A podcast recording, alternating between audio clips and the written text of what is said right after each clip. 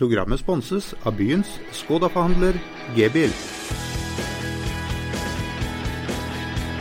Hei, endelig tilbake. Fotballradioen eh, har hatt en eh, god eh, sommerpause, men Jesper, nå må vi kjøre i gang igjen. Nå må vi kjøre i gang, og Det er så godt å være tilbake i dette flotte studioet her hos eh, Feven. Nå har det vært en lang Dårlig sommer med tanke på været. Enda verre sommer med tanke på poengfangst til vårt kjære Start. Men nå er vi tilbake, og nå er altså Premier League starta. Tippeligaen den ruller videre. Obos-ligaen den ruller. Lokalfotballen den ruller videre både på og utenfor banen. Og vi da har fått inn en ekspert på alle disse områdene. Og Han heter da Ole Gerhard Sørensen. Han har vært her før. Eh, vi får ta en introduksjon for de som ikke hørte det programmet. Men Ole har altså spilt fotball i Søgne, Australia, i Start. Han er kjent som en spiller som er like god framme og bak. Spiller vel nå da i Don 2. En strålende journalist. Har vært min sjåfør og Balagaba sin sjåfør i haugevis av år. Han fikk eh, samme sausen som jeg fikk etter å ha kjørt Bala i x antall eh, kilometer. Så Ole Gerd, veldig hyggelig å ha deg her. Så har vi vanvittig mye å, snakke om. Ole Gerd, du må igjen si takk først. Takk, takk, takk. Eh, vi, vi, har jo denne sagaen mellom Fløy og Vindbjart. Vi har Start, vi har Jerv som snuser på opprykk. Vi har Premier League, som du sa. Vi har sørlandsfotballen, suksess borti Arendal. Det blir Mons i Fredrikstad. Mons i Fredrikstad. Maratonsending i dag. Vi skal snakke om mye, mye gøy i dag. Og bare for alle som har savna oss i sommer, det er veldig hyggelig at dere har sendt oss meldinger. eh, Både på Facebook, eh, Twitter og SMS. Og på gata, ikke minst. Og på gata, ikke minst. I skjærgården. Ja. Nå, ringer, nå, ringer, nå ringer Sveinersen, eh, altså Fredrik Strømstad. Skal bare ta den. Fredrik Strømstad, vi er midt i innspilling av fotballradioen. Kunne vi ringt deg opp senere? Det er veldig greit. Ole, Ole Gerhard er som gjest. Har du en uh, historie på han?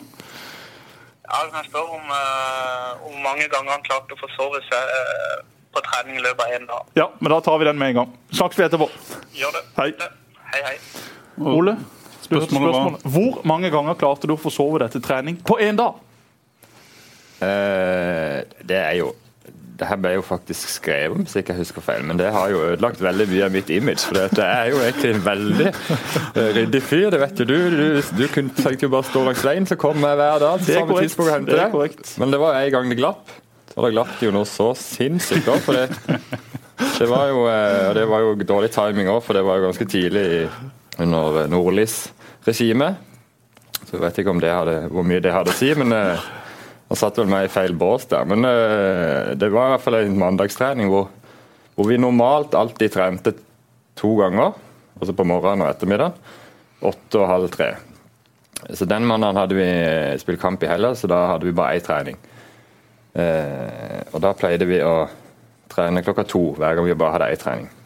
Så på søndag var det litt sånn usikkerhet. Jeg hadde ikke fant ikke helt den der eh, årsplanen, eller hva det var, så jeg ringte litt rundt. Snakka med flere, Doffen og alle folk jeg stolte på. og Fikk beskjed om at nei, det var trening Treninga var ja, mulig, jeg husker, men jeg fikk i hvert fall, jeg fant ikke ut av når det var. Eller jeg fikk en beskjed om når det var, og så i ettertid så har de da funnet ut at det ikke var sånn. Uten å gi noe beskjed til meg. Så jeg lå og sov, og så får jeg en telefon av, av Bård Wiggen og bare Hvor i helvete er du? Og jeg bare Hæ? Så det er jo ikke noe trening òg. Jo jo, det er i gang, og Tom har klikka, og folk er i gang med oppvarming og sånn. Jeg kasta meg i bilen, kjørte ut. Og kom da ut sånn ganske sånn midt i økta. Hvor var treninga? Det var i Det var Sørlandshallen. Ja. Så da var det bare å begynne å jogge og bare holde lav profil. Jeg fikk vel Jeg vet ikke hvor mye kjeft jeg fikk, jeg fikk litt, men jeg, jeg bare rista på hodet. Og Så var det jo da trening seinere. Og den, eh, i og med at vi da eh, Da tenkte jeg at det var halv tre, som vi sier det alltid når vi trente to ganger. Så fikk jeg også ansvar for å plukke opp en sånn prøvespiller som vi hadde. En av de verste prøvespillerne noensinne. Eh, så jeg avtalte med han, skulle hente han da i god tid. Jeg tror det var sånn halv to. Veldig god tid. Og så kom jeg og henta han. Han var jo ingen sted å finne. Så sto der og venta, og så ble klokka ja, kanskje sånn kvart på to. Og da ringer Fredrik Strømstad og bare Hvor er du hen? Hvor er du hen? For da, var det, da skulle jo treninga begynne to. Eh, og vi pleide jo alltid å møte en halvtime før.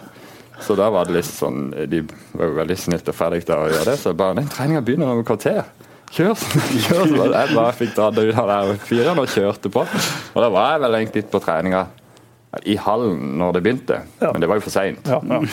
Og da Det var jo ikke bra. Men eh, Så to ganger på samme det var to Jeg forså meg jo ikke den andre gangen. Nei, nei, nei. Jeg bare tok Men det er det historien kanskje sier. Ja, og jeg tror det også sto i FV-en, ser du. Nå, ja. At jeg forså meg to to ganger. Feven kan du ikke stole på. Så jeg måtte jo svare for eh, holdt si, familien på hva, hva som skjedde med min eh, livsførsel på hybelen der. Men, Men Ole er en seriøs gutt, en seriøs spiller, og dette var rett og slett et uhell.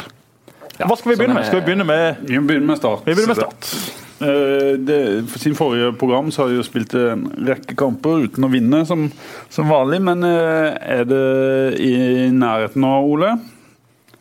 de er jo absolutt i nærheten. Det har de jo vært flere ganger. Eh, Så det er jo det men, eh, hva er uttrykket 'nesten hjelper ingen mann på hesten', eller et eller annet sånt. Eh, Det blir lite, lite poeng av det, men jeg tror altså En kan jo være enig i at de er i nærheten, og at de sånn sett har utvikling. Og det er jo eh, For i fjor på eh, høsten så var det jo ikke i nærheten. Ja.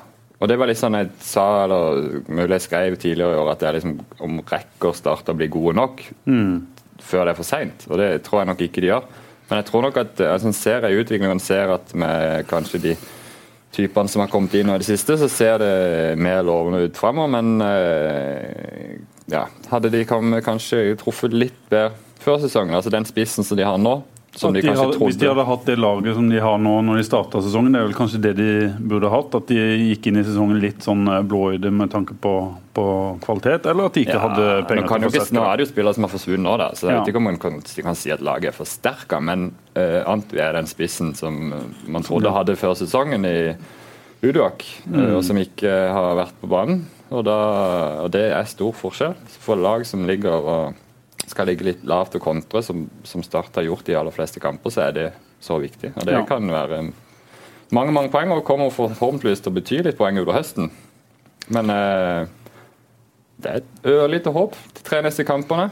Kan eh, ha skjedd større Skal vi under si at de må ha ni poeng på de tre neste kampene for at det skal være et Da kan jo i teorien være to poeng bak Ålesund.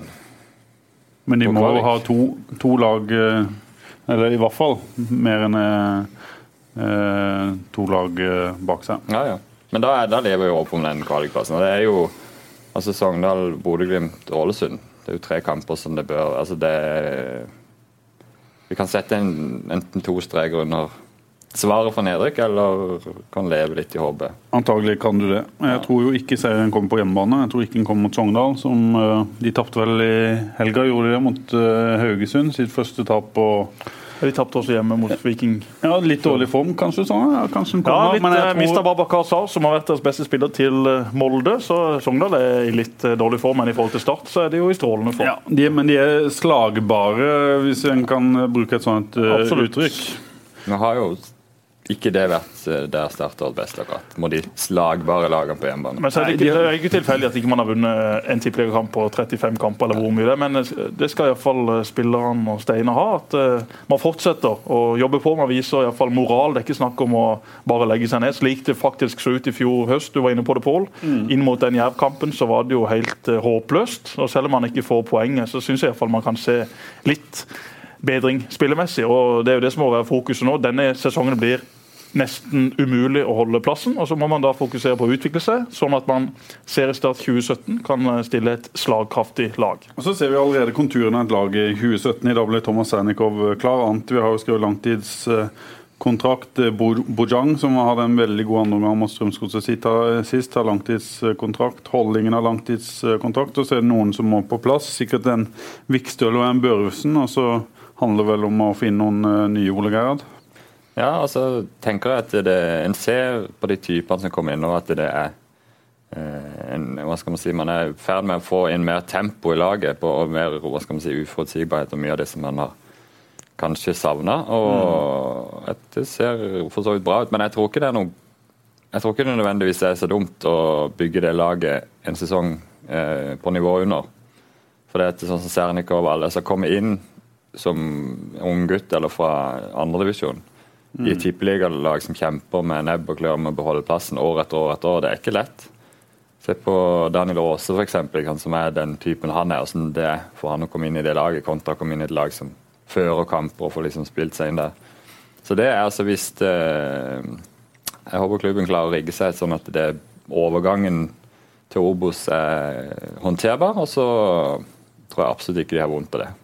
Du sikker du, Det er mange som sier at et uh, nedrykk kan være en fordel for en klubb. og sånne ting. Jeg, jeg, mistenker at du ikke er enig i det under noen omstendigheter, Jesper? Nei, jeg er jo egentlig ikke det. Et nedrykk uh, vil aldri være positivt for en klubb, men det må iallfall kunne brukes så positivt som mulig. Og det er klart at Hvis man er smart og evner å tenke langsiktig og gjøre et par smarte signeringer nå med et par spillere inn i enkelte posisjoner, så har man et kjempespennende lag til neste sesong. Da vil man begynne å vinne kamper, man vil være med og kjempe i en helt annen ende av tabellen. Det vil sannsynligvis være noen veldig spennende eh, lokaloppgjør. Og Det er klart at det må man jo bruke. Det må jo trigge både supportere, spillere, eh, alle i og rundt klubben. Så det må brukes til noe positivt, men at det er positivt å rykke ned, det det får meg aldri til å si, nei. Det, det, gjør du ikke. Men når en først rykker ned, så kunne vel timinga knapt vært bedre med tanke på de to lagene i Aust-Agder, som gjør at det kan jo bli tidenes sesong. Jeg bare ser for meg kanskje et år frem i tid, hvis Jerv eh, beholder De beholder jo sikkert Sandstø, de beholder store deler av spillergruppa kan være med og kjempe kanskje helt i toppen neste år. så, Hvis de ikke rykker opp i år allerede, så kommer Start. Tenk deg de to lagene kjemper om opprykk neste år. For en interesse det blir eh, her nede. da. Det vil bli eh, et eventyr av en eh, sesong. og det er klart at jeg sier at Et nedrykk vil aldri være positivt. Samtidig så er det jo ikke positivt, og det er nesten umulig å utvikle seg også hvis man skal ligge og kjempe i bunnen av tippeligaen år etter år, og man føler egentlig at man har et kvelertak. Man kan ikke gjøre noen som helst grep fordi at det hele tida bare blir brannslukking. Så hvis man kan liksom få restarta det, kickstarta det på en måte, så kan det være positivt med et nedrykk. Så det er mulig at det kan være positivt, men som på generell basis er det det ikke. Men altså Arendal og Jerv og Start eventuelt i samme divisjon, det blir jo kjempegøy. Husk sist Start og MK. Det var jo noen oppgjør som eh, vi aldri kommer til å glemme. Start Jerv i playoffen i fjor. kommer ikke til å glemme det heller. Vi kommer til å huske det resten av våre liv. Jerv tror jeg faktisk kan rykke opp. De er i bedre form enn Sandefjord. I Sandefjord er det ikke toppstemning. Der har de ikke prestert noe i det siste, men de klarte å fighte seg til en seier nå hjemme mot KFM. Det skulle for så vidt også bare mangle. Men Jerv er jo det formlaget i toppen av Jerv er det laget som virkelig har vist utvikling. Og Husk på at Jerv hadde en veldig dårlig start på sesongen. Og Husk at de har det klart letteste kampprogrammet av topplagene igjen. De har både Kristiansund og Sandefjord hjemme, og ellers møter de lag i båndstrid eller i ingenmannsland. Ja, og skal... har eh, vel flere hjemmekamper enn bortekamper i tillegg. Hvis jeg skal si et av de lagene bak Kristiansund som kommer til å rykke opp, så tror jeg faktisk at det blir Jerv. Jeg ser Jerv som et sterkere lag nå enn Sandefjord og Levanger. med Ørjan Hopen i spissen. De er gode på hjemmebane, men de kommer til å tape for mye poeng borte. Så de tror jeg kommer til å dette litt av. De kommer til å ta en kvalikplass, men Jerv i mine øyne er nå favoritter til å rykke opp sammen med Kristiansund. Oi, oi, oi. Spennende. Sandnes Ulf er vel òg et lag kanskje som, eh, som, eh, ser ut som de våkna og vant i veldig går, men, eh, ja, men da blir det omkamp. Om. Ja. Det, kan, det, det, er nødt til å bli omkamp. og så Her gir du et gult kort til en spiller som har et gult kort fra før, og som ikke var involvert i situasjonen! Da leder Kristiansund 2-1, og så snur Sandnes Ulf kampen. Hvis ikke dette blir omkamp, så skjønner jeg ingenting. Det føyer seg bare inn i rekka av ufattelig mange dårlige dommeravgjørelser, også i årets sesong. Skal jeg bare si en ting? Før sesongen så gjorde jeg et spill i første divisjon. Jerv som vinner av første divisjon, kan det gå, eh, Jesper? Til 40 odds, var vel det? Det kan selvfølgelig gå, men i mine øyne så er Kristiansund såpass robuste. Nå henter de Rocky Lekai fra Raufoss i tillegg, som gir de enda mer options på topp. så jeg tror, jeg tror, ikke jeg, ja, altså, jeg kan godt kjøpe det bedre du kan få. Nei, vi skal ikke det. Så vi driver ikke med veddemål. Nei, det gjør vi. Nei, men Det blir iallfall spennende. Så Arendal også må vi jo skryte av. De har jo et kruttsterkt lag, de også. De har brukt veldig mye penger i veldig mange år. Eh, nå ser det endelig ut til at de, at de faktisk får betalt for det de har brukt. Men de må vel gjøre noe eh, hvis de rykker opp, så, og det er vel Knut Tørum men den første til å skjønne det, at førstedivisjon og andredivisjon er, er klare, klare, forskjeller på det, Ole Gerhard? Det er nok det, men han er jo sånn sett privilegert at han tydeligvis har midler å bruke. Altså De har vel eh, Nå skal ikke jeg si at jeg sitter på budsjettene der, men det finnes vel sikkert uh, førstedivisjonsklubber, i hvert fall de siste årene, som har uh, sikkert ikke hatt så veldig mye høyere budsjett. Nei, det men det krever jo veldig mye av en hel klubb. det, men det, men det- er jo en stor eh, by, da. I, jeg vet ikke om det er Norges 11.-12. største by, og vel den største byen i Norge som ikke har hatt et eliteserielag. Eh, Det tror jeg folk glemmer litt. Det er jo et næringsliv der som sikkert er villige til å spytte inn litt penger når en først eh, får toppfotball. Sultefòra som man er. og med det Ja, dette så mange blir jo noe spennende. Ja, Selvfølgelig vil dette sette fyr på, på bålet borte i Arendal. og Det kan bli veldig spennende. De har en Jan Sigurd Otterlei som er inne med mye penger allerede. Som er inne i mange klubber med, med, med penger til idretten. De Gjør en fantastisk eh, jobb eh, for idretten der borte, også i ØIF. Så man ser jo det at når ØIF plutselig popper opp og begynte å prestere, ja, så er det plutselig så er det 2500 mennesker å se på håndball. Bare tenk deg hva det da kan komme på fotball. De snakker om nye stadion osv. Det vet man jo ikke om de får det til, men det skjer spennende ting i, i Arendal også. så... Det, er vel fort en, eh, det skjer vel fort både i Grimstad og Arendal med, med Jerv og, og Arendal at, eh, at eh, nye stadioner kan bli en konsekvens av, av sportslig suksess. Ja. Er jo nå er det jo verre, ganske mye verre stilt eh, på Bjørnnes Ja. enn eh, på Levermyr, men allikevel så er det jo og Det er jo det en må ta de der sted, altså det er klart eh, Jerv har jo gikk jo voldsomt fort opp og har klar, altså, Går de opp til tippeligaen nå, så er det nesten sånn at jeg tenker at det blir litt voldsomt. Altså, Siden hadde de rykka opp i fjor, så hadde det gått ganske brått nedover, tror jeg. Etter seg greit å ta de her stegene, men nå har de jo det de sier, nå har de fått hvert en sesong i første divisjon. Kan man ta et steg til. Og man har liksom fått lært mye i både i forhold til eh, hvordan ting funker på overgangsmarkedet med trenere og, og sånne ting. Og Arendal eh, må gjøre litt av det samme, men de er jo begge er jo heldige sånn som har hatt erfarne trenere som har vært med på mye. og det Ja, Arendal har jo mange spillere som allerede er gode nok for Obos-ligaen. så De, hent, Mm. du må huske på at de, de henta spillere fra Jerv.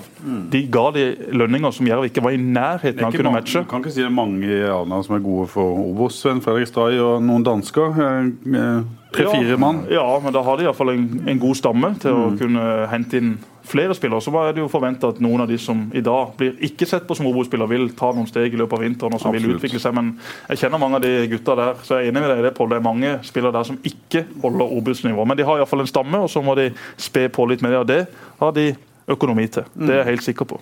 Men en, en ting jeg har lyst til å snakke om, er eh, endring av mentalitet i Jerv. Som jo eh, i mange år har tenkt at Start er toppklubben. Jeg tror at eh, i løpet av dette året her så har det skjedd en stor endring i hodene der borte. Og de ville elske å dytte Start ned fra, fra haugen etter det som skjedde med Steinar Pedersen, etter det som har skjedd med at Start har snappa noen eh, spillere. Der tror jeg det har skjedd en endring som gjør at de kommer til å gå all in for å vippe Start ned av tronen. Og det, det krydrer det her eh, greiene som, som kommer, tror jeg. Ja, det, Dette har jo krydder og grillkrydder og organ og pepper og salt. Alt har jo disse oppgjørene over seg. Altså. Men Er du enig i det, at Jerv har gått fra eh, på Ja, så en måte for- å skjønne ble- at de er nummer to på Sørlandet, til å ville ta posisjonen? Ja, men De er jo nummer to, det vil de alltid være. Men det kan godt være de kan låne tronen i et år eller to, sånn som MK gjorde i sin tid. Men glem at Jerv skal Men være de elsker dette dytte Start Ja, selvfølgelig vil de det. Det samme vil, jo, det samme vil jo Arendal hvis de rykker opp til neste år. Det å få lov å møte Start. altså Arendal med Knut Tørum som var i Start, som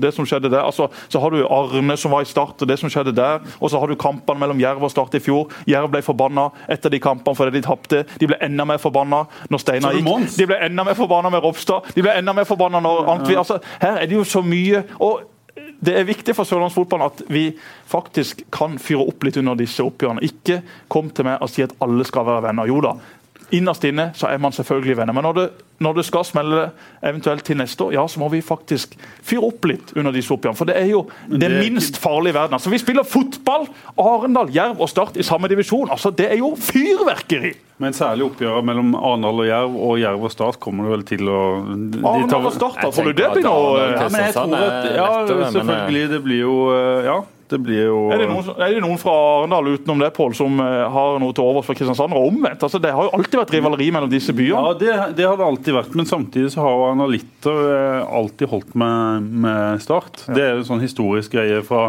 ja, fra hatt så mange 80- og 90-tallet, i hvert fall min eh, generasjon, at det var mange austegder på på Start. Det var Myggen, det var Pål Yngve Berg, Ja, ja, og det var. Morten Knutsen og det var, har vært Risholt-brødrene. Men selvfølgelig, når en kommer i samme divisjon, så vil det der endre seg. Ja, så trenger Arendal Kristiansand. Det, det, det er jo enda mer smell over. Men la oss nå se. Nå skal Arendal Familien min er fra Arendal, så Ja, altså, Kai de alt godt. Jeg det- Jeg, jeg, kjenner, jeg kjenner mange gøye folk fra Arendal, men det er klart når det er fotball det er snakk om, da er det mye følelser involvert. Og når det er fotball, det er det største. Glem håndball, glem Rød glem KIF. Det er fotball det til syvende og sist handler om. Det er det som er det som folk snakker om i lunsjen. Jeg tror det vil komme flere folk på Sør Arena neste år hvis Arendal og Jerv er i den divisjonen, enn det det har vært i år. Det tror jeg også. Men nå nå skal Arendal gjøre jobben. Start skal for så vidt ikke gjøre jobben. Du får rett, så er jo Jerv eh, oppe, da. Så blir det Start og Arendal neste år. Det gjør det. Jeg skal promotere en liten greie vi skal ha i Federlandsvennen, som vi har bestemt oss for nå. Hver uke frem mot eh, serieslutt så har vi fått Norsk regnesentral til å regne ut Ikke Norsk regnesentral. Jo. jo. Norsk regnesentral det er det mest ubrukelige jeg vet om. Altså Skal dere få noen til å regne ut, så vet dere nøyaktig hvem dere skal snakke med. Og det er folk som kan dette. Gamblere. Ikke Norsk regnesentral. De tar jo en haug av gamle resultater, hiver det i pott. De kan ikke dette, Pål. Ok, men da kanskje vi skal spørre noen andre i tillegg. i tillegg. Ja, hvis dere vil ha sannsynligheten regna ut for dette, så kan jeg, kjenner jeg de beste i bransjen. Ja, vi Og det er ikke Norsk regnesentral. Hver gang det kommer det der regnestykket fra Norsk blir så klikker jeg meg rett videre. Det er greit, da får du gjøre det, så får vi, vi andre, andre lese. Ja, men vi skal finne ut sannsynligheten for at de tre lagene Ja, men da kan jeg ikke snakke med Norsk regnesentral! Jo, jo, Norsk regnesentral er flinke. Jeg skal regne ut via, for dere. Så skal jeg sende det regnestykket. Men det da, er da, da, da skal vi ha et uh, ved siden av. Da skal Ja. vi ha ditt ved siden av. Yes, Det er greit, da har vi en, det skal eh, vi fikse. da har vi en deal. Åh, Norsk regnesentral, altså. Mons, Ja. Vi må si litt om Mons når vi først er inne på det som kan bli tidenes eh, sesong for sørlandsfotball neste år. Så har vi en eh, Nok en interessant eh, vinkling. ja, For han kommer vel inn der? Selvfølgelig gjør han det. Altså, han, han med Han kom til Fredrikstad. De har slitt. Jan Halvor og Fredrikstad var ingen god match. Fredrikstad var glad for å bli kvitt Jan Halvor. Jan Halvor var glad for å bli kvitt Fredrikstad. I de Fredrikstad har det vært veldig mye surr. Det er både Jan Halvors skyld og klubbens skyld, men det er en klubb som veldig lite er som det skal i. Nå kommer Mons inn, og er det én ting Mons Ivar Melle kan, så er det å skape humør og entusiasme. Jeg kan bare lukke øynene, så vet jeg nøyaktig hva han sa i det første spillermøtet, hva han sa før kampen, hva han sa i pausen. Han er ekstremt flink til å få en sånn gruppe til å glemme det som har vært, og fokusere på det som kommer. Så at Mons kom til Fredrikstad nå, tror jeg er en perfekt match. Og Hvis han redder plassen, sånn som de sannsynligvis kommer til å gjøre, så kommer han selvfølgelig til å få en lengre kontrakt, og da kommer han sikkert til å flytte med seg familien fra Osterøy osv. Så, videre, og så, videre. så det var utrolig gøy. Altså, Når Fredrikstad skårer 3-0 hjemme mot Ullkisa, så så jeg et klipp på Twitter. Det må vi nesten høre om vi kan få lov til å bruke. For det jeg har sett klipp. Mons Ivar Sanel Kapicic setter et straffespark midt i mål, og helt ned høyre billedkant. Så kommer det altså en flyvende Mons Ivar Mjelde. Hadde han vært med i OL i Rio i lengde, så hadde han faktisk fått medalje. Altså, han har aldri sett han hoppe så høyt og så langt. For en glede! For en mann! Altså, når Mons forlater Start, se hvor stor Mons var. Han tok det som en mann. Tier på børsen til Mons for den. altså Han er rett og slett fantastisk. Det er en av de flotteste personene han har møtt. Og jeg ble oppriktig glad når Fredrikstad vant sin første kamp. Jeg håper det fortsetter. Ja, nei, jeg, jeg har jo, eh, Som journalist blir man jo ikke så kjent og knytta, men jeg er jo enig i det at eh, Mons Med tanke på at en, en, når en trener går for en klubb, så er det jo veldig sjelden noe særlig positive omstendigheter rundt det. Med mindre han blir plukka til en større klubb. Men uh, den måten han gikk ut av, på en måte det som mange måter var eh, ikke et synkende skip, men det var var verdig. det. Det var verdig, og han, uh, som sagt, det har vært lite jeg har nesten ikke hørt noe negativt om han i ettertid. Og det er jo ofte i ettertid at alt det negative kommer opp, fordi at man holder kjeft frem til man er ute. Og Det skal jeg jo si. på. Jeg mente jo at eh, Mons eh, måtte forlate Start. Det mener jeg fortsatt var en riktig beslutning. Men rent personlig, eh, mellom meg og Mons, så var det aldri noe noe, eh, noe Vi hadde et profesjonelt eh, forhold. Jeg har alltid likt han som person. Det hadde ingenting med, med Mons som person å gjøre, så det kan jeg skrive under på. At han er en strålende fyr med gode verdier, høy moral og de tinga som en trenger for å løfte Fredrikstad. Så er jeg veldig skeptisk, vil jeg i hvert fall veldig skeptisk til å ansette han på en langtidskontrakt etter han eventuelt eh, redder plassen. Men det er en helt annen sak. Men nå har vi jo så. Obos-ligaen blir jo så spennende, så dette er nesten så jeg begynner å håpe på at Start rykker ned, og at uh, Arendal rykker opp, og at de her faktisk holder seg. For det kan jo bli veldig interessant, dette her. hva er sjansen for hva er, hva er, Hvem har størst sjanse til å ødelegge det? Er det et Jerv-opprykk, eller er det det at Arendal sprekker på målstreken? Arendal ser solide stabile ut. De har lite skader for øyeblikket. De kan stille sine, sine beste lag nesten kamp etter kamp. Og de lagene bak roter. Spennende neste helg når Arendal møter Vindbart i Absolutt, og den har jo Vindbjart hatt godt tak på. Steinar Skeie har jo sagt at den kommer de til å vinne. Arendal til helga ved å slå Notodden hjemme. Ja, så eh, jeg tror, jeg tror Arendal går opp. Eh, og så er det klart at det er vel ingen med, med sunn fornuft Kanskje eh, Statens regnesentral har regnet fram til at Start kan holde seg, ja. men det er jo ikke så veldig sannsynlig. De hadde vel 99,6 ja. ja. Men hvis uh, Vindbjart får med seg noen ekstra poeng for helga og slår Arendal, så er det jo plutselig ja, vi, må, vi, må, vi, må, vi må innom den saken også altså, De som ikke har fått med seg saken, er jo at Fløy møtte Vindbjart. Fløy vant eh, kampen 4-3, leda 3-0. Men så skåret Vindbjart tre mål på overtid. Det ble vel 3-3. Og så, ut, nei, så avgjorde Thorsen på Fløy matchen til 4-3. Og så blir det lagt inn en protest rett etter match som sier at Fløy har brukt en spiller som skulle hatt karantene. og Dermed kommer selvfølgelig Vindbjart til å få tilkjent denne seieren, for sånn er jo reglene. Den eh, udiskuterbar, sånn sett. Men uh, det er vel noe med når protesten ble levert inn, visste Vindbjarte på forhånd, fløy Vindbjarte Davy Vatne altså Det er jo full fyr i teltet på samtlige sosiale medier. Så dette er gøy å følge med på. Selv det er blitt en sånn, sånn sandkassekrig? Det er blitt en sandkassekrig. Så jeg, beklar, jeg, har bare bestemt meg for å tre ut ja, av den sandkassa. Du var, du, var, litt inne, og, jeg var litt inne men så trakk jeg på Davy Vatne sitt lag. Det er ikke noe sand i den sandkassa, egentlig. Nei, det er ikke det. Nei, det er ikke det. Det er Steinar, Davy, Håvard Karlsen Olsen, eh, Steinar Skeie altså det, det, ble for mange oppi den sandkassa, så jeg bare gikk ut. og Så får vi heller se hva som skjer. Men jeg kan se saken fra begge sider. Jeg skjønner at Fløy blir frustrerte over at visse Vindbjart på forhånd kunne, skulle ikke sagt noe. Eh, for noen av Vindbjart-spillerne eh, visste at han var ute med suspensjon, men så er det ikke sikkert det har blitt fortalt til alle. så det, Dette blir ord mot ord. Egentlig en håpløs situasjon å komme med noe fasit på.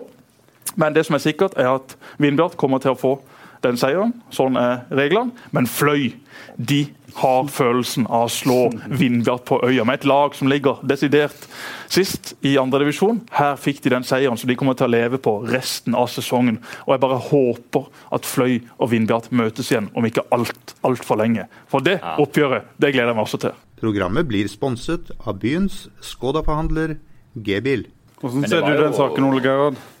Altså, som, eh, som, vel eh, det har blitt sagt fra Vennesla, så, så, sier det vel at eh, dette er noe som hadde kommet fram uansett. Altså, det? Nei, det vet jeg ikke. Men eh, hvordan, eh, hvordan Fotballforbundet hvor tett de følger opp og har kontroll på sånne ting. Eh, men klart, det hadde jo sett bedre ut hvis, hvis, Fløy hadde fått lov å leve med den gledesrusen ut helga. Så hadde de eventuelt blitt fratatt poengene om et par uker. For det er sånn som det er nå, så trenger Vindbjart de mer poengene, de poengene mer enn eh, enn Fløy.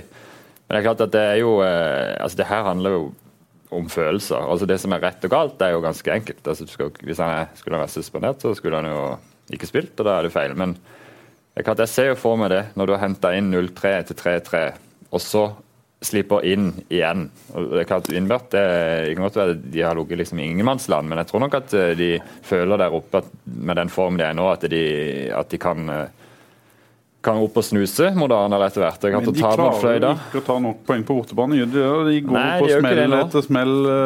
Ja, men noe, De tror det sjøl. Men følelsen da etterpå, når du har ja. fått de frarøvet etter det, og så vet du at ok, her uh, har de faktisk gjort noe galt, så tror jeg at da, det, da var de kjapt inn og la inn en protesten. og det er klart det det er jo enig i det. Det stinker litt med tanke på hvis du tenker at de er gode venner. Men så kan du si jeg fløy og Vindbjart gode, gode venner. Det er kanskje det når de jobber dugnad under Sørcup, men det er klart den rivaliseringa som har vært mellom de klubbene der de siste åtte-ti årene, den har jo vært voldsom, den. Så at de er så veldig gode venner. Kan dette få konsekvenser for samarbeidet med Sørcup osv.? Så, videre, så vil dette kunne gi det er jo utrolig hvis de, hvis de, det, det forskjell på klubb og, to, og, og A-lag og liksom sånn. Det er klart det vil nok ikke skape Det vil være enda mer eh, sandkassekasting, eh, sandkasting i sandkassa.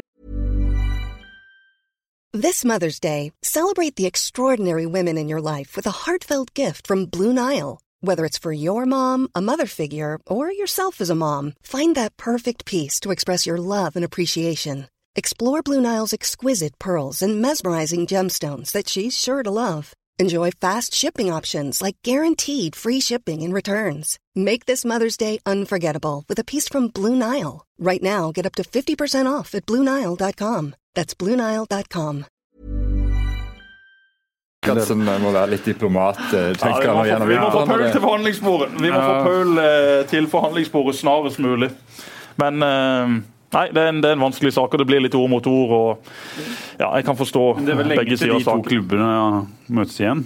Kanskje, Det kan bli kanskje det mange, mange år. Ja, men det kan jo være, De kan jo møtes i cupen. Det må iallfall Fotballforbundet fikse. Jeg har noen gode kontakter der, så skal jeg iallfall fikse et cupoppgjør der neste år.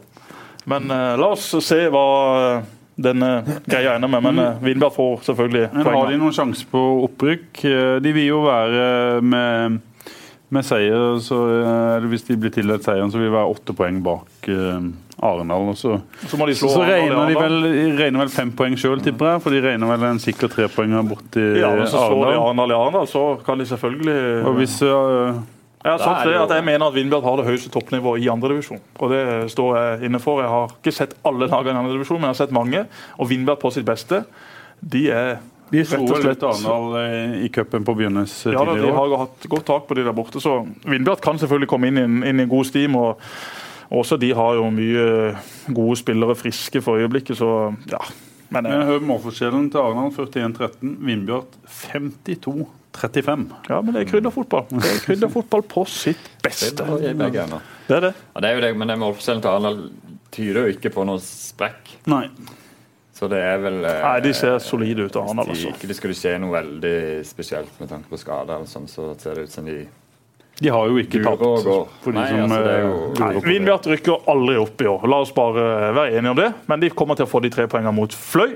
Og så eh, er det deilig at det er litt fyr i teltet. Jeg syns det er gøy at det er litt lokaloppgjør, og så er det litt eh, sandkastekrig mellom klubbene. Ja, men det, det får nå bare på gå. øya. Altså, du har Ja. fløygudstjeneste først, hvor de står og synger fløysanger i kirka og fyrer opp hele menigheten. De var sure på oss for at vi ikke kom ut og lagde masse på alt dette som skjedde på øya på, på skjønner jeg lørdag. Og så- er det Var det kun faktisk en telefon med Statens regnesentral? og Fikk en avtale med de? Det var det jeg holdt på med da, ja. Åsmund Åmli-band på banen. Og, nei, det er full fest. Jeg kan- Det var jo en helt perfekt dag med fint vær. og altså, Den dagen kommer de til å snakke om på øya i årevis. Jeg håper de glemmer den protesten og de poengene. Ja, men De må grann, ta vare på det øyeblikket som var når de satte inn 4-3-skåringa. Det er jo den de husker, det er den de kommer til å huske. og Den kan ingen ta fra dem. Ja, det er derfor jeg tenker at Innbjart kunne De kunne vente i hvert fall kanskje til litt Latt de suge litt grann på den karamellen og så levert Ja, og, og, og Om Vindbjart visste dette på forhånd, det får vi jo aldri noe svar på. Det er klart at Hvis de hadde sett det på en nettside, så måtte de, hadde de ikke fått sjekka det opp 100% og da er det ja, det er en vanskelig sak. Eh, La oss gå videre til eh, Vi må, en, gang, en ting til før vi forlater andredivisjon avdeling fire. Vi må skryte litt av Markus eh, Naglestad i Fram eh, Larvik, som fort vel spiller på kanskje Arendal eller Jerv eh, neste år, som hamrer inn mål i den divisjonen. Hat trick i, i helga og skårer vel omtrent i hver kamp. En spiller som, eh, som kommer til Sørlandet, tror du, Jesper?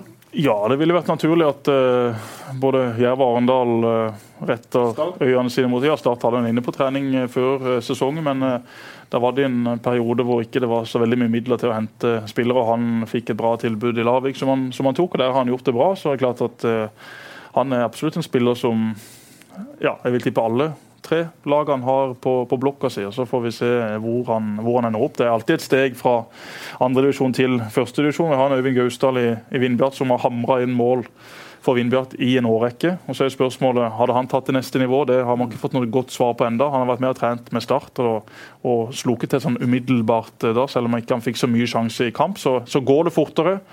Forsvarerne er bedre, forsvarerne er smartere.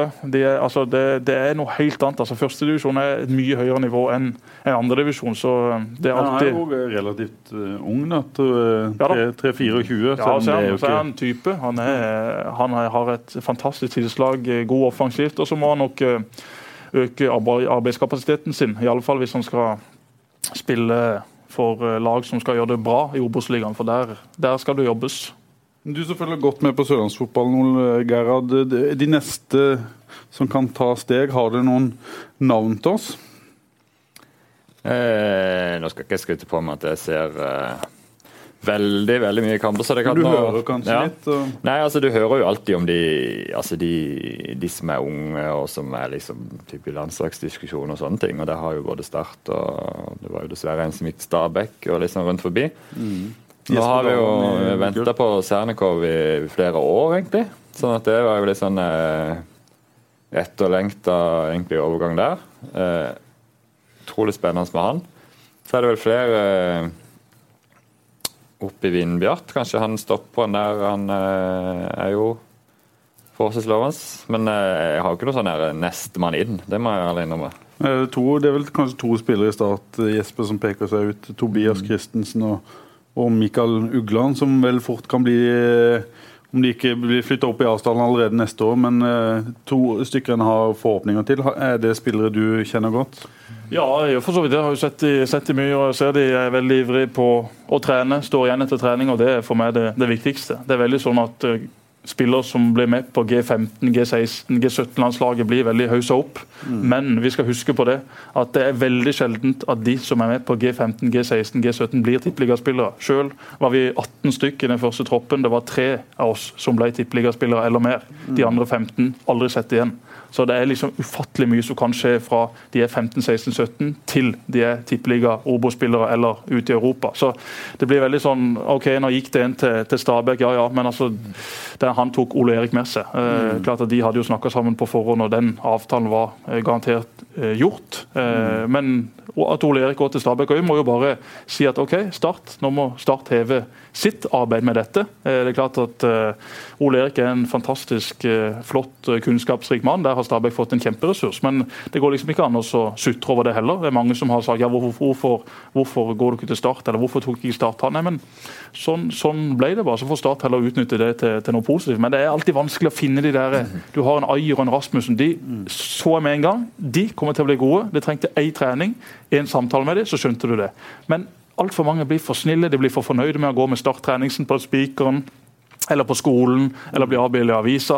Man må ha den der sulten. Og den syns jeg flere av de unge i Start eh, nå har, og det syns jeg har vært mangelvare i, Hvem er i mange mange du, år. hvis du skal trekke frem et navn, da? Du kan jo Ja, så det er alltid sånn at det å trekke frem et navn, det også blir litt sånn Jeg har eh, litt sånn noen tanker på det med Ayer og Rasmussen. Altså den De hadde da liksom lista, spesielt Ayer, heva lista litt i forhold til hva som skal til, og hva som faktisk altså hva det husker jeg litt sånn, jeg tenker på på min egen da jeg var liten, Hva du trodde sjøl var mye trening, og hva du kanskje i ettertid, når du har sett og hører litt sånn Ser hva som egentlig føler sånn Ja, men Du Det følte deg gjort, og det sliten, og at du følte ja, at sånn, det var du, du følger opplegget. ikke sant? For dette klart at Hverdagen blir jo De fleste går jo på idrettslinja, de går på trening i start, og så er jo det egentlig Det er jo masse, ikke sant. Og du får, føler at eh, du er der du skal være, og du følger opplegget og du møter opp og gjør som treneren sier. Men at du isteden de som klarer å liksom ta virkelig hånd om det sjøl og legger inn den der halvtimen ekstra hver dag med, med teknisk trening og Så gjør det søvn og skadeforebyggende Søvn og kosthold. ikke sant? En 16-17-åring som tenker på søvn og kosthold, og så ordentlig gjør det fordi han vil sjøl. Bo på hybel eh, eller ikke sant, bo for seg sjøl og gjøre det. det ikke sant? Men, Det alt, men det er altfor mange, sånn- alt for mange, som Ole sier. Altfor mange går på skolen, og så går de på trening, og så var det det. Ja. Ja, men men, da blir du like god som alle Det er ikke noe gjennomføringskraft, Nei. men det er vel kanskje en det forståelse som mangler. Ja, Det er det klart at når, det er det jeg føler at når Ayer kommer inn, så følte jeg at han eh, hadde liksom han, han hadde et helt annet nivå og helt annen profesjonalitet så tidlig. at det ser jo alle de andre. Og det vet du selv at du, du gjør jo det som andre gjør. For, hvis du, for alle har jo det samme målet. Sant? Alle vil jo bli det så, så, gode, så gode som mulig, men når du ser at han trener mer enn det, så vet du med deg sjøl at ja, ja, men jeg blir jo ikke like god som han hvis ikke jeg gjør det. Hvis du vet at han går og legger seg klokka ti hver dag, så sitter du kanskje ikke opp til tolv. Hvis, hvis han spiser liksom salat og kylling, så steger du ikke Grandis hver dag. liksom. Men, men det er liksom de referansene. Det er jo det jeg håper at denne arven og det at det har liksom at det setter seg. for Det er- det greit nok at uh, Bård Borgersen eller Steinar Pedersen, som også selvfølgelig vet alt dette, sier det. Men det er mye mye mer effekt å se at en lagkamerat faktisk gjør det, og se hva det fører til, ikke minst. Ikke? Begge to plutselig millionutganger ut, og forhåpentligvis starten på, på veldig gode karrierer. Og det det, er jo eh, Jeg håper at de var der lenge nok at folk liksom, at det har på en måte vært noe som har forplanta seg. at, de, at andre har plukka det opp. at det er for Det er liksom det, det er det som er forskjellen tenker jeg, for de klubbene som er gode på spillerutvikling. At du har en kultur der som gjør at her, her jobber man beinhardt for å få fram, for å jobbe fram. Man er ikke, man er ikke bare med. For at, uh, Den kulturen den er, den er ikke så lett for en trener å skape sånn over natta. Det er noe som ja, må komme innenfra. Utrolig, utrolig kloke ord, men jeg er ikke overraska over det. Altså, vi har jo med en veldig klok mann å gjøre her, som har uh, vært med på mye av det samme. Men Ayer heva både Rasmussen og alle andre. Og Det er mye mer effektfullt at du har spillere som kan sette eksempler, enn at du skal ha en trener som skal prøve å trede over huet på det. Og det er klart at En, en Ayer som kom inn i gruppa Jeg merka det med en gang, både på unggutter, men også gutta på A-laget. tenkte Jøss, han her trener jo mye mer. Eh, han må vi henge oss på. ja, så var han med og heva flere ting med tanke på dette med trening. og Det er imponerende når en så ung gutt kommer inn og gjør det. Men også Mathias Rasmussen, som alltid har vært talentfull, men som tok de ekstra stegene. Fikk ekstra fysikk, begynte å trene mer styrke. Plutselig så, så han ut som en tippeligaspiller. Hvorfor det? Jo, fordi at det kom inn en spiller som Å jøss, her har jeg faktisk et nivå opp. Jeg husker det samme selv når Elmar Bjarnarsson kom til, til, byen og jeg hadde vært King Kong mot samtlige motstandere. Jøss, så kom det en her som hadde mye bedre teknikk og som var en bedre fotballspiller. Ja, måtte jeg også heve med. Så hever vi hverandre. Det er jo sånn det må komme. Og det er jo det som må være tanken også med å få opp flere unggutter som har de samme holdningene, som kan pushe hverandre. Så ikke treneren trenger å pushe for. Glem at en trener kan skape en spiller. Du blir kun så god som huet ditt sier sjøl. Og det er hodene man må få inn i dette systemet. Det er de som kommer til å bli best til slutt. Og Det gjelder spesielt spillere som da, i det øyeblikket de blir flytta opp på et A-lag. Hvor du da gjerne sant, du blir litt høyere intensitet, du vil gjerne slite litt mer rød, men du føler på en måte at nå er det der du skal være. Nå er det, bare, det er da jobben begynner. ikke sant? Mm. For du, Gjerne spiller du ikke så mye. Du er med på økter med altså Det er greit, er du 30 år, så trenger du kanskje altså du skal ha restitusjonsøkt og du har mye taktisk og sånne ting. Ting som en 17-åring egentlig ikke nødvendigvis har så veldig mye utvikling av. ikke sant? Da, da må du ha den jobben. ikke sant? Da må du tenke at ok, nå har jeg vært med og trent 17 år og vært med og trent med tippeligalag. Men jeg skal likevel trene en time etterpå. Jeg skal likevel jobbe med mottak og alle disse her basisteknikkene som du sannsynligvis ikke er ferdig utvikla på.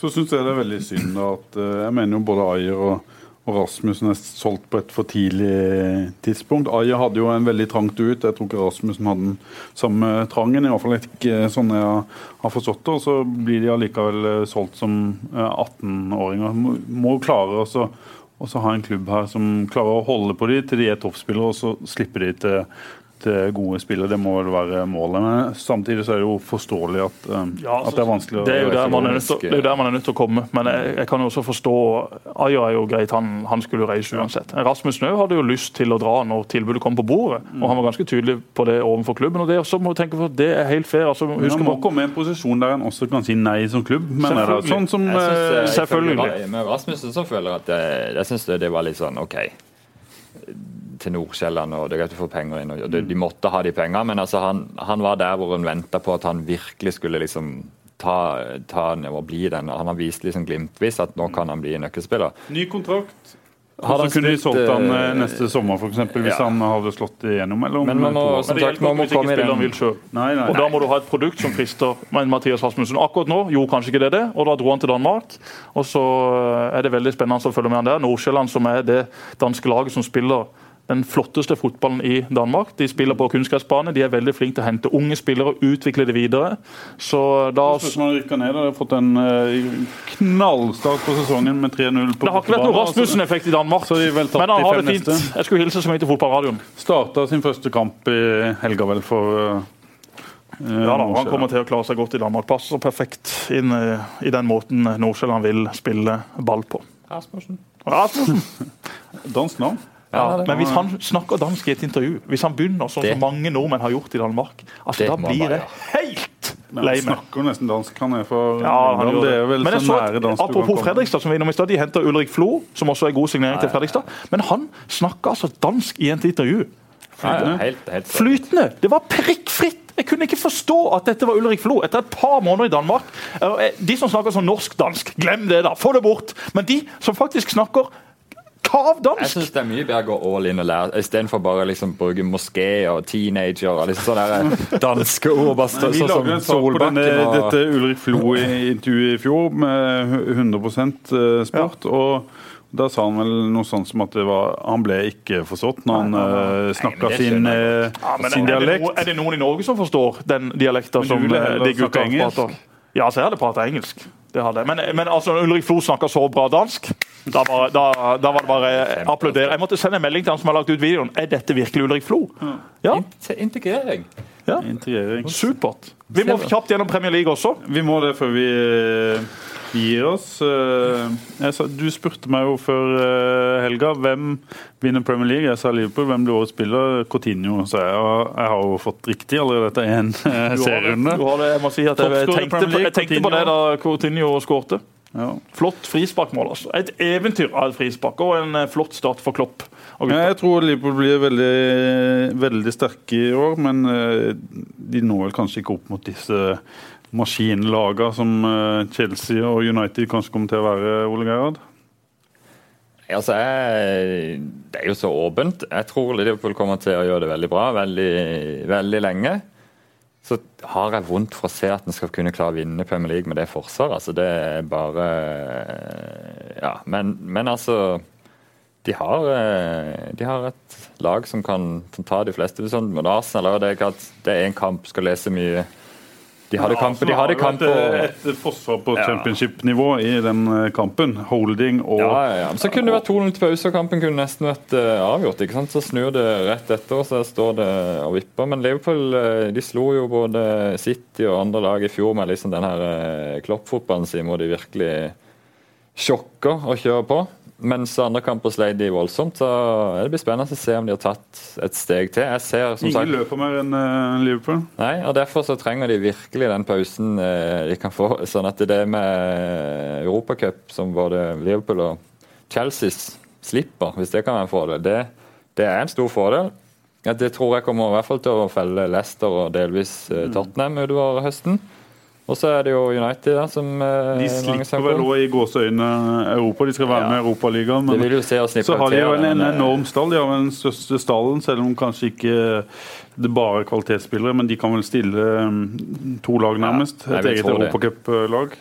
Vi tolker vel litt sånn det Mourinhos uttalelser som det, at de kommer til å, og gjøre det. Det bør de jo absolutt gjøre, for de kan helt, det B-laget United bør absolutt kunne komme seg videre i Europaligaen. Mm. Men da har den fått litt, blitt litt gjevere, Europaligaen. Så det Men Det er jo noe du kan hvis du kommer deg langt. ja, kan begynne å tenke på det i februar. Ja, må jo bare stille med, kvartfinalen og ut. må stille med B-lag i, i de første kampene og prioritere det som faktisk teller. Og jeg kan aldri se at Liverpool vinner, Champ- Men Nei, alle at de vinner Premier League. City som vinner VG, TV, dere TV 2. Jesper sier dere TV 2. Ja, ja, ja, jeg så de tippa det. City er jo favoritt. Også Bodsen United nest favoritt. Chelsea tredje favoritt. Liverpool Arsenal bak der. Mm. Så det er klart at City, United og Chelsea er de tre største favorittene. Liverpool, Arsenal, Tottenham i den suppa bak der. Jeg kan ikke se at eh, Liverpool skal slå City, United og Chelsea. Men at Liverpool kan blande seg inn helt der oppe, det kan de gjøre. Men ikke over en hel sesong. Kloppfotballen løper enormt mye. Det er ikke alltid at det er et parameter på at et lag skal gjøre det godt. I tillegg så kommer denne kloppfotballen til å koste. Det har det også vist seg erfaringsmessig med Klopp som, som trener. Mens United har henta inn eh, en Zlatan som begynte å levere. Bailly så god ut i, i midtforsvaret. Eh, Pogba er ikke på jobb enda. Så eh, United kommer til å være der. Chelsea så enormt god ut eh, med Conte. En Eden Hazard som har fortsatt den formstigninga han viste i slutten av fjorårets sesong. Viste det i EM glimtvis at han er på gang. Kan, det- kan det bli sånn at, at eh, mange plukker poeng fra hverandre? At vi kan få sånn kan veldig- skikkelig jevn serie der det vil leve utrolig lenge? Eller blir det sånn at et av de gode lagene eh, viser seg å være såpass mye sterkere at de kan Jeg fra? forresten fra? vedda med Tusse. Var, eh, han er jo Liverpool-fan, og, og eh, han har enormt tro på Jørgen Klopp og gutta i år. Så jeg har vedda på at United gjør det bedre enn Liverpool. og ah, Det er jo et deilig bett for meg. Altså, Tenk å få to i odds på det! Takk, Tusse! Takk, Tusse! Det er Jarle Børrestad-bett. årlige, årlige Amarone-bettet til Jarle Ja, jeg skylder eh, Børrestad Amarone. Faktisk. Ni Amarone eller noe sånt. Jeg må ned med det til han. Jeg har det hjemme. Jeg drikker ikke vin, men jeg har kjøpt inn til tror, Børrestad. eh, Jeg tror at det er altså sånn eh, Mourinho og Guardiola gjør jo Jeg kommer inn nytt, og det skjer mye ting. Jeg har vanskelig for å se for meg at det kommer til å eh, Kanskje enda mer spent på Wall City. altså der skal Det det... de eksperimenterer jo, da. Ja, og at hvor, hvor lang tid det tar før det setter seg. Altså det, det forsvaret der og litt sånn i forhold til den ambisiøse spillestilen hans. Jeg kan ikke se for meg at det blir et sånn stabilt lag som bare vinner og vinner. og vinner. Men det kan jo være at de henger med såpass godt at når de blir det, så kan de ta det. Conte har jo kommet inn og ut ifra den første kampen ikke gjort noen sånn revolusjonerende greier. så i hvert fall sånn I forhold til lag og det, så er det stort sett akkurat samme elva, og han har fått Ja, og West Ham- Har Chelsea Costa- beste enkeltspilleren i Hazard, sånn som han framsto i går Ja, og i EM? han i form og Costa i form, så er det jo et helt annet lag enn i fjor, hvor de kom tilbake litt sånn smålubne og umotiverte etter ferien. Ja, Kosta er så lubben ut i fjor, men han gjør ikke det nå. Nei, Og Han han så jo øh, Og han er jo han et, løper øh, 100 meter fire sekunder raskere enn i fjor. Ja, gjør det. Ja, ja, det helt annen spiller. Så det er klart at det, eh, det er jo sånne ting som gjør at det er veldig vanskelig å, Men jeg er, litt, vurdere. jeg er litt lei av det der managerpratet i Premier League nå. At, at, altså, til syvende og sist så er det jo spillerne vi skal sitte og se på. Det er jo ikke Conte som løper opp og ned på den linja. Det er ikke Mourinho som kommer uttalt. Altså. Det er jo de elleve på banen som blir underholdninga. Og de elleve på banen hos disse lagene er jo også enormt bra. Det er jo det som er det viktigste. Glem alt det der trenerpratet. Det er interessant de første rundene, og så er ikke det fullt så interessant lenger. Det er spillerne som vil ta over dette showet etter hvert, heldigvis. Ja, og så er det veldig mye snakk om alle, altså, i hvert fall sånn i forhold til Guardiola, utrolig mye sånn analyse og alt mulig taktisk. Men hvis du ser i fjor på Ranieri og Simone, så hva det handler om, det handler om å få spilleren motivert og til å levere. ikke sant? Og du ser Chelsea i fjor, altså Costa kommer tilbake etter sommeren og var liksom ikke gjort noe, så er det jo fordi at han ikke gidder å spille for Mourinho lenger. Hadde spillerne ønska det, så hadde, jo, så hadde jo Chelsea sannsynligvis eh, hengt med hele veien i fjor og vunnet. Mens du ser Leicester hvor, som, hvor alle virkelig vil. Og igjen nå, hvis det, jeg tenker at det er kanskje det som gjør at Mourinho på kort sikt i United får et stort løft. At spilleren for det første vil komme og spille for ham. Aldri om Zlatan og Pogba hadde kommet til United uten han som manager. Men eh, og så er det samme som Wenger. Nei, og Det er jo sånn. sånn der, det er, det er jo så det dummeste jeg hører. Ja, alltid at ja, men Champions League er så viktig for å tiltrekke seg spillere. Glem det, da! Det har jo ingenting å si for disse gutta. Det som han nå sier, Vil, Hvilken klubb er det? Hvor stor er klubben? Hvem trener klubben? Hvor gøy kan vi få det i denne klubben? Ja, selvfølgelig. Ja, penger også. Men penger har jo alle sammen. Nei, men det, Penger kan de dytte ut. Men om, om, de tjener halvannen million i uka, eller to og en halv eller tre millioner i uka, faktisk det tror jeg ikke har mye å si, det tror jeg ikke har mye å si for disse mye gutta. å si for agentene. Det har mye å si for agentene. Ja, men, men da vil jo ha noe å si for hvem de ja, La meg si det sånn da, Hvis Liverpool hadde hatt så mye penger som United hadde, hadde de henta de samme spillerne? Ha! Glem det! Aldri! Hadde ikke vært i nærheten av å hente Pogba og Zlatan. Aldri! De er ikke interessert! Bare så det er sagt. Nei, det må jo det tar litt tid å komme seg jeg, jeg, jeg tror ikke eh, altså, er mange- United er ikke- trigger, United trigger Ja, Mourinho, gjør. United trigger Pogba, United trigger Zlatan. Selvfølgelig de- gjør det det. Jeg tror Liverpool kunne fått store stjerner av de hatt øh, Ja, de kan få store stjerner, men de kan ikke få de største. Og Nei, dette er jo de største ikke. i businessen. Messi, er Neymar. Ja, som Skal de eh, til Liverpool? Ja, hvis Liverpool hadde lagt to milliarder kroner på Nei, nei, nei, de har ikke, bordet de har ikke interesse av det. Nei, det er klart det er litt sånn eh, Nå skal jeg jo ikke sammenligne Se hva Liverpool City og, gjorde. Og City, men jeg hadde City i den første tida når de hadde ubegrensa midler før Financial Fair Play-reglene så men, men ikke var på en måte Champions League-klubb, så, så var det jo ikke De handla jo liksom først på tredje hylle, og så etter hvert på andre hylle, og så omsider på første hylle. Det tar litt tid. Det er selvfølgelig ikke Men bare Klopp penger. skal ha det. Han har vært flink til å hente spillere nå som passer perfekt inn i hans måte å spille på. Så de har gjort en god jobb på overgangsmarkedet. Ja. Men de vil aldri, i hvert fall sånn som det er stilt nå, få tak i de største stjernene.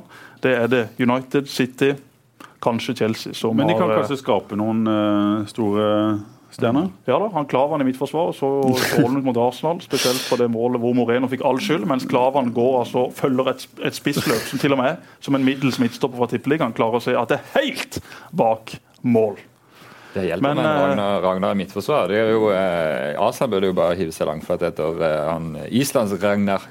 Sigurdsson? Sikkert han, han eh, Men det, er som Premier så League, det blir mye spennende Premier League. Liverpool, Arsenal, United, Chelsea, City, kanskje Tottenham. Så er det håpløst å tippe tabellen to-tre uker før Men er det er stengt. interessant tippe tabellen? Nei, det blir de seks lagene som kommer til å være der oppe. Det blir gøy. Det blir utrolig gøy. La oss eh, være glad for at eh, det er i gang. Men jeg sier som Ole Martin, hjemmelagde kjøttkaker de smaker best. Derfor blir det ekstremt spennende også med tippeliga, Obos-liga og andredivisjon. Helt til slutt, før vi avslutter, Jørgensen, så jeg må jeg bare få opplyse at det foregår også OL.